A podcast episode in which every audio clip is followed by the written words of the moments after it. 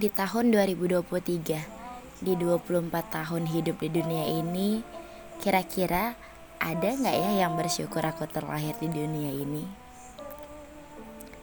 Ya, pastinya selain keluarga sendiri ya. Ting tung, ini jadi pertanyaan yang paling ditunggu jawabannya. Tenang, tenang, tidak harus menemukan jawabannya sekarang, bukan? Ya, kalaupun pada akhirnya tidak ada yang bersyukur aku terlahir di dunia, it's okay. Mari kita nikmati lagunya. Ku bahagia. Sorry, sorry.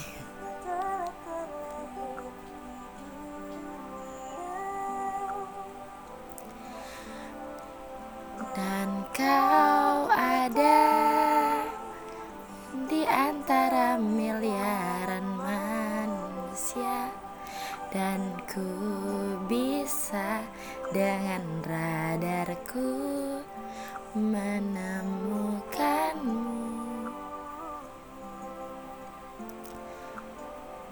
Mungkin aku diciptain untuk memberikan banyak syukur ke semua orang Bersyukur sekali rasanya punya orang-orang terdekat kayak kalian.